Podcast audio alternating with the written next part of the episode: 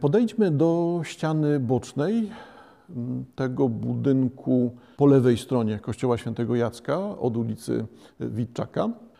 Ściana boczna no, powinna nas oczywiście znowu uderzyć tą materiałowością, tą ekspozycją samego materiału, ale jeżeli Państwo się przyjrzycie dokładniej, no, nie trzeba się tak bardzo dokładnie przyglądać, to chyba będzie oczywiste dla wszystkich, pojawia się również w tej ścianie bocznej taki zespół szczelin, takich pionowych, wyciętych elementów tworzących nam ażurową konstrukcję. Tylko proszę zauważyć, że ten ażur, o którym teraz mówię, ten zespół wycięć, prostokąt wypełniony pionowymi liniami, wyciętymi liniami, jest wykonany w taki sposób, aby nie równoważyć tej brutalności. Czyli widzimy wyrazistość materiału, jakim jest metal, ale funkcja wymaga tutaj, funkcja tego budynku wymaga, żeby wprowadzić światło dzienne do wnętrza tego budynku. Więc należy je wprowadzić, ale należy je wprowadzić w taki sposób, aby nie umniejszać siły oddziaływania tej płaszczyzny, jaką jest metal. Wewnątrz znajduje się pomieszczenie e, wykorzystywane przez siostry zakonne. Nie wchodzimy do wnętrza tego budynku, to jest budynek zakonny, wobec tego Tutaj dla mnie istotne jest to, że pojawia się funkcja. Funkcja, jaką jest wprowadzenie światła do wnętrza, ale sama wewnętrzna kompozycja tego budynku e, nie jest czymś, co będzie mnie interesowało. Zresztą Państwo zauważcie, że e, cała ta część komunikacyjna i część zapewniająca prywatność, komunikacyjna w sensie dojścia do budynku, pojawiających się tutaj oczywiście przeszkleń, to celowo zostało zaprojektowane w taki sposób, żeby oddalić od widza. Czyli jeżeli popatrzymy na ścianę tego budynku równoległą do ulicy Witczaka, no to zobaczymy, że wysokość budynku zostaje tutaj zrównoważona. Budynek zostaje obniżony w wyniku tego, że schodki prowadzące nas na poziom zero tego budynku, e, to schodki w dół i sama ta część zapewniająca dostęp do światła dziennego i część dająca nam komunikację, wejście do samego budynku znajduje się poza wzrokiem e, osoby z zewnątrz. E, to też jest przecież celowe. Z jednej strony pojawia się funkcja tego budynku oczywista, ale pojawia się tak realizowana funkcja dla użytkowników obiektu, e, aby e, nie zderzała się tak, aby nie zakłócać e, tego, co byłoby główną cechą tego budynku. A przez główną cechę rozumiem tutaj no, albo uderzający brutalizm, ale sam wolałbym nawet nie skupiać się na, na brutalizmie, czy też na postmodernizmie tego budynku. Wolałbym zastosować do obu budynków e, nowoczesnych e, kategorię dekonstruktywizmu, bo moim zdaniem jako odbiorcy to będzie miało większe znaczenie. Jeżeli byśmy poprzestali na tych pojęciach, na klasyfikacjach, one zawsze są pewnymi uproszczeniami, pewnymi wytrychami. Jeżeli poprzestalibyśmy na tych kategoriach modernizmu, postmodernizmu, brutalizmu, no to tłumaczylibyśmy w jaki sposób funkcjonują te budowle, ale zauważcie Państwo, że moim zdaniem tłumaczylibyśmy je jako budynki oderwane, tak jakby one funkcjonowały w przestrzeni wolnej od powiązań z innymi elementami. A tymczasem tu za każdym razem będziemy widzieli te powiązania. Czy to są powiązania już wspomniane przeze mnie z kamienicami, z materiałem tych kamienic, czy też powiązania z e, neuromańskim kościołem świętego Jacka, no to te powiązania występują. Wobec tego nie sprowadzajmy tutaj sprawy do postmodernizmu czy też brutalizmu, chociaż będzie nam towarzyszył jeszcze wiele razy. Dla mnie najciekawszą rzeczą byłoby tutaj wykorzystanie znowu rozumiem, że wytrychowe, uproszczone, ale jednak wykorzystanie współczesnego pojęcia, jakim jest dekonstrukcja. Architektoniczny dekonstruktywizm pozwalałby nam na to, aby właśnie uwrażliwić się jako odbiorcy na napięcia, czyli harmonie, dysharmonie występujące pomiędzy tymi dwoma budynkami.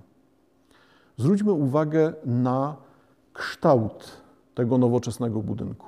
Nie ma tam linii poziomych. Jeżeli dokładnie się przyjrzymy kształtowi dachu tego budynku służącego siostrom zakonnym, e, to zauważcie Państwo, że nie ma tam linii poziomych. To nie jest płaski dach. On jest obramowany i też jego płaszczyzna zostaje złamana takimi liniami, które uciekają od poziomów. Ten budynek nie ma rozwiązania alegorycznego, prostego, jak widzimy w kościele świętego Jacka. Obok funkcjonujące wieże i funkcjonujące znaczenia wież, odsyłających nas do tego, co jest ponad ziemią. Tutaj nie ma tak ewidentnych wskazań, ale ucieczka od linii poziomych jest niczym innym jak realizacją tej samej zasady.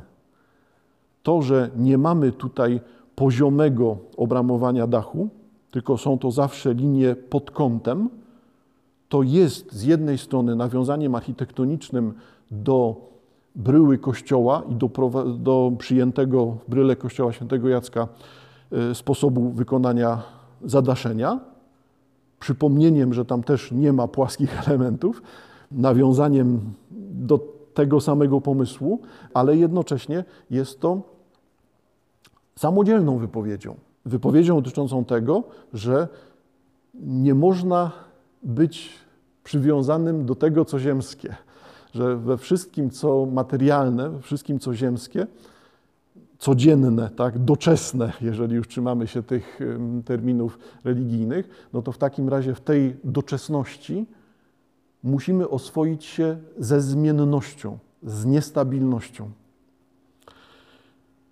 I moim zdaniem, jako odbiorcy, właśnie funkcjonowanie tego złamania, tego, że te wyraziste, duże linie budynku nie mają charakteru poziomego, tylko mają ten charakter zmienny, chwiejny, niestały. Jeżeli wolimy, są dynamiczne, są gwałtowniejsze. Oczywiście, że nie jest to gwałtowność będąca gwałtem. To nie jest ten poziom energii, e, to nie jest ten, e, ta, ta wielkość energii, e, ale wystarczą te drobne zmiany, żeby pokazać niestabilność, nietrwałość, zmienność doczesności. No i teraz Państwo zauważcie, że właśnie znalazłem się w tym samym miejscu. Mówię o tym samym. Mówię o języku architektury, który ma służyć celom sakralnym i nie musi służyć celom sakralnym poprzez jak najwyższą wieżę i jak największy krzyż na tej wieży. Może, tak tradycyjnie jesteśmy przyzwyczajeni, ale nie musi. Wystarczą te drobne zmiany, które sprawiają, że zaczynamy myśleć o sakrum. Zaczynamy starać się nazwać to sakrum, albo jeszcze inaczej, staramy się odkryć siebie, swój język, swój teraźniejszy, współczesny, albo jak Państwo mówicie, nowoczesny język w tym, co nowe, nam bliższe, aktualne. Mam na myśli stale ten, to nowe rozwiązanie architektoniczne. E, przejdźmy, proszę Państwa, trochę dalej, czyli z lewej strony kościoła zejdźmy na dół. To jest parę metrów. Znajdziemy się na tej wybrukowanej powierzchni między plebanią e, a budynkiem sióstr zakonnych. I popatrzmy na fasadę od tej strony. Zauważcie Państwo, że tutaj można od razu zanegować wszystko, co powiedziałem, bo dominującą częścią tej fasady jest ten kamienny. No cóż, mur, no bo to jest taki mur oporowy zapewne, tak? Oddzielenie mm, tego budynku od y, płaszczyzny, na której się znajdujemy, płaszczyzny tego parkingu, tej przestrzeni placu. Y, jesteśmy trochę niżej, wobec tego konstrukcyjnie trzeba było ten budynek y, wzmocnić. Ale tutaj zaczyna dominować kamień. Teraz Państwo zauważcie, że ten kamień zostaje wprowadzony jako linie poziome. No bo są wprowadzone stopnie. Wobec tego y, wracamy do tego, że mamy do czynienia z funkcjonalnością. No skoro wprowadzone są stopnie, a trudno jest zrobić stopnie niepoziome, bo byłoby to niebezpieczne dla użytkownika. Wobec tego z funkcji wynika nam kształt. No, trzeba było zrobić to w taki sposób. Wobec tego mamy to odejście. No to zróbmy jeszcze jedną rzecz. Skoro to odejście już musiało nastąpić, mam na myśli odejście od tego przyjętego modelu niepoziomego, zmiennego, tej dyskusji, tej, tych uwagom architektonicznym, które nawiązywałyby do koncepcji e, doczesności rozumianej jako droga do sakrum. No to w takim razie Państwo zauważcie, to sakrum jest czymś stabilnym, niezmiennym, a doczesność jest czymś płynnym, zmiennym, niestałym. No to w takim razie popatrzmy na to, e, na tą budowlę, stosując właśnie te określenia. Co zobaczymy? No w takim razie widzimy pewność, solidność, niezmienność realizowaną jako schody. Schody prowadzące do przeszklenia. To przeszklenie, które mamy przed sobą, e, jest znowu związane z funkcjonalnością, ale zauważcie Państwo, to przeszklenie nie jest przejrzyste, tylko jest wprowadzaniem płaszczyzny, wprowadzaniem pewnego elementu, no chciałem powiedzieć barwnego, no ale rozumiemy, że to jest po prostu wprowadzenie bieli. E, bieli, która ma nas odsyłać do tego, co funkcjonuje dla widza jako element bezpośrednio ponad, czyli e, co widzi widz stojąc plecami do plebanii. Widzi płaszczyznę placu, widzi schody, schody zamykające się białą, przeszkloną powierzchnią.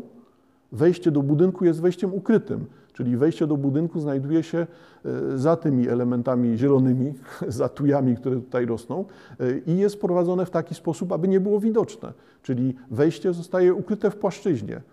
Podkreślone jest tylko tym elementem zdobienia, tym elementem rzeźbienia, czy też wycięcia e, w drewnianej, jednolitej płaszczyźnie e, z wprowadzonym motywem religijnym. Ale trzeba się przyjrzeć, trzeba podejść, trzeba chcieć to zobaczyć, ale z dystansu, z odległości nie będzie nam się to rzucało w oczy. Będziemy widzieli kamienną płaszczyznę, będziemy widzieli szklaną płaszczyznę, szklaną płaszczyznę otoczoną drewnianą płaszczyzną, powyżej zieleń drzewa i powyżej, no tak jak trafimy, błękit, biel, szarość e, nieba e, nad Bytomiem. E, I to wprowadzenie tego elementu bieli w przeszkleniu jest odesłaniem do tego, co znajduje się wyżej. Czyli zauważcie Państwo, że ten budynek z jednej strony jest nowoczesny, tak? no bo ja sam mówiłem o tym, że modernizm, postmodernizm, brutalizm. Ale ten budynek, moim zdaniem, jest właśnie przykładem dekonstruktywizmu, ponieważ roz, rozmowa, te znaczenia, które teraz zaczynamy odkrywać, są znaczeniami przejętymi, zapożyczonymi, zacytowanymi, można tak, z bryły Kościoła Świętego Jacka. Czyli zauważcie Państwo, że przecież te schody są niczym innym jak alegorią. Skoro bryła Kościoła Świętego Jacka na tym panonie ma postać Chrystusa, Chrystusa wypowiadającego ego sum ostium, tak, ja jestem bramą, wejściem, drzwiami, no to tutaj te schody, e, schody rozumiane jako droga do nieba, tak, czytając e, czy przypominając e, tytuł popularnego na Śląsku modlitewnika. No, ale to, to oczywiste znaczenie schodów, tak, schodów, stopni prowadzących w górę, oczywiste znaczenie właśnie rozumiane w kontekście religijnym jako droga do Boga. Droga do Boga, droga do tego, co jasne, do tego, co białe. I ten ciąg znaczeń jasny, biały, tutaj wprowadzony jest przez tą płaszczyznę. Aby przypomnieć jeszcze raz te elementy pionowe, elementy w górę, mamy wprowadzony szereg e, desek wypełniających fasadę dominującą na tej fasadzie i znowu y, sprowadzenie to do tego, że z jednej strony budynku brutalizm, bo blacha, a z drugiej strony brutalizm, bo dechy i to takie dechy właśnie e, siwe, dechy naturalnie starzejące się, e, no to, to nie jest rozwiązaniem. To nie na tym polega. Tylko widzimy tutaj bardzo przemyślany model znaczeń, alegorycznych. No, a co jest fundamentem romańskości, też neoromańskości? Alegoryzm. No to wobec tego, y, co jest językiem wypowiedzi nowoczesnej? Też alegoryzm. Tylko to, co teraz powiedziałem, brzmi jak harmonijna wypowiedź, a tymczasem ona jest tutaj znów oparta na dysharmonii, ponieważ treść wypowiedzi będzie podobna. Treść wypowiedzi rozumianej jako Kościół Świętego Jacka i treść wypowiedzi rozumianej jako nowoczesny budynek architekta Przemo Łukasika, no to w takim razie treści są te same. Pomysły są te same, no bo w nieuchronny sposób y, kręcimy się wokół alegoryzmu, bądź jeżeli chcemy symbolizmu, no ale wolałbym tutaj mówić o alegoryzmie. E, e, ale użyty zakres e, pomysłów, jak w plastyczny sposób pokazać te alegorie, jest całkowicie odmienny. Inny pomysł. Inny język się tutaj pojawia. I ta odmienność języków, wrócę do tego, o czym wspominałem wcześniej, odmienność głosów jest czymś, co jest harmonijne i dysharmonijne, co jest równowagą sprzeczności. To jest to samo, ale wizualnie coś innego. Znaczenia będą te same, ale znaczenia będą też inne. Bo zauważcie Państwo, to co jest językiem znaczeń, czy też sensów w bryle Kościoła Świętego Jacka, jest bardzo mocno zakorzenione w tradycji, zakorzenione w tekstach świętych. E, a to, o czym mówię, pokazując ten budynek nowy, nie jest tak oczywiste to nie jest tak wyraziste, to nie jest tak na pierwszym planie. To jest stonowane, cofnięte. Znaczenia alegoryczne w tej nowoczesnej budowli są czymś, co wymaga wycofania się, co wymaga odejścia od alegorii, które opisywane są przez leksykony, opisywane są przez podręczniki do historii sztuki, tylko wymaga tego, aby się wycofać. Wymaga tego, aby zrezygnować z tego bagażu, który, bagażu rozumianego jako historia, jako przeszłość, który mamy do tej pory, żeby w nowym odkryć nowy język, a ten nowy, odmienny język sakralny, nowy, odmienny zespół alegorii jest niczym innym jak tym samym zakresem znaczeń, ale język jest inny. Jeżeli zakres znaczeń to będzie e, Bóg, religia, sakrum, no to to mamy jako wspólne. Ale o tym samym można mówić na różne sposoby. I te różne sposoby istnieją jednocześnie, i te różne sposoby wypowiedzi wzbogacają się nawzajem. Dzięki istnieniu wielogłosowości jesteśmy bogatsi dzięki istnieniu różnych punktów widzenia, różnych pomysłów na mówienie o sobie, o swojej obecności w świecie, wszyscy stajemy się więksi. Do czego zmierzam?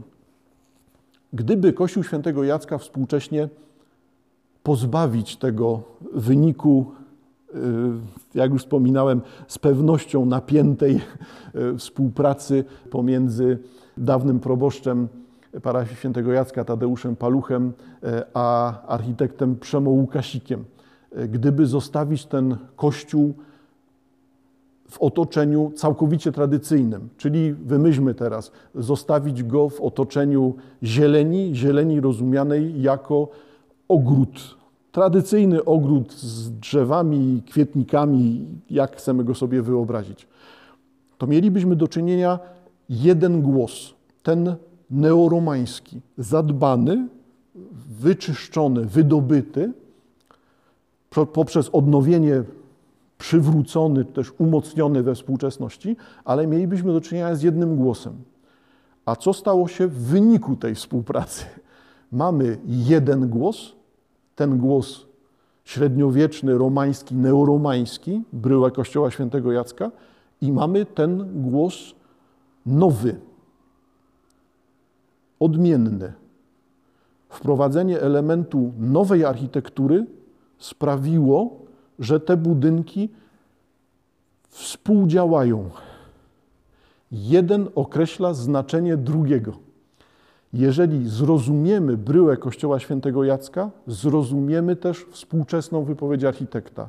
Jeżeli zwrócimy uwagę na współczesną wypowiedź architekta, przebijemy się poprzez ten być może odpychający brutalizm, tylko przypominam jeszcze raz, to nie jest brutalizm, to nie, nie wyczerpuje nam zagadnienia, no ale jeżeli te płaszczyzny metalowe czy też zielone przeskoczymy, jeżeli zdamy sobie sprawę z tego, że nie chodzi tutaj o samą materiałowość, tylko o zespoły brył, linii, płaszczyzn, które harmonijnie tworzą nam całość. Znaczy, przez harmonijność nie rozumiem tutaj wcale tej pionowości, poziomości, równoległości, tak? To, to nie na tym harmonijność polega, tylko na tym, że przeciwieństwa też możemy rozumieć jako harmonię. Harmonię w dysharmonii, jako jedność przeciwieństw, jako poszukiwanie stałości w zmiennym świecie. To są zagadnienia, które są w obu tych wypowiedziach i w neoromańskiej wypowiedzi, i w wypowiedzi współczesnej. Tylko tak jak ta wypowiedź neoromańska będzie tradycyjna, tak ta wypowiedź nowoczesna będzie wypowiedzią dekonstruktywistyczną, wypowiedzią, która wymaga od nas tego, aby zrozumieć w nowych kształtach czytelne znaczenia. Część z tych znaczeń będzie przypomnieniem przeszłości, ale inne znaczenia będą odsyłały nas do przyszłości albo będą nas zakorzeniały w teraźniejszości, jeżeli, jeżeli to są znowu uchwytne metafory. Dekonstruktywizm wymaga tego, aby rozbić bryłę architektoniczną, aby zobaczyć jej elementy, te elementy zrozumieć jako elementy odrębne, zrozumieć znaczenie poszczególnych elementów, a potem poskładać z tych znaczeń elementów kolejne znaczenia. I stąd ta koncepcja gry w postmodernizmie i stąd te uwagi dotyczące właśnie dekonstruktywizmu.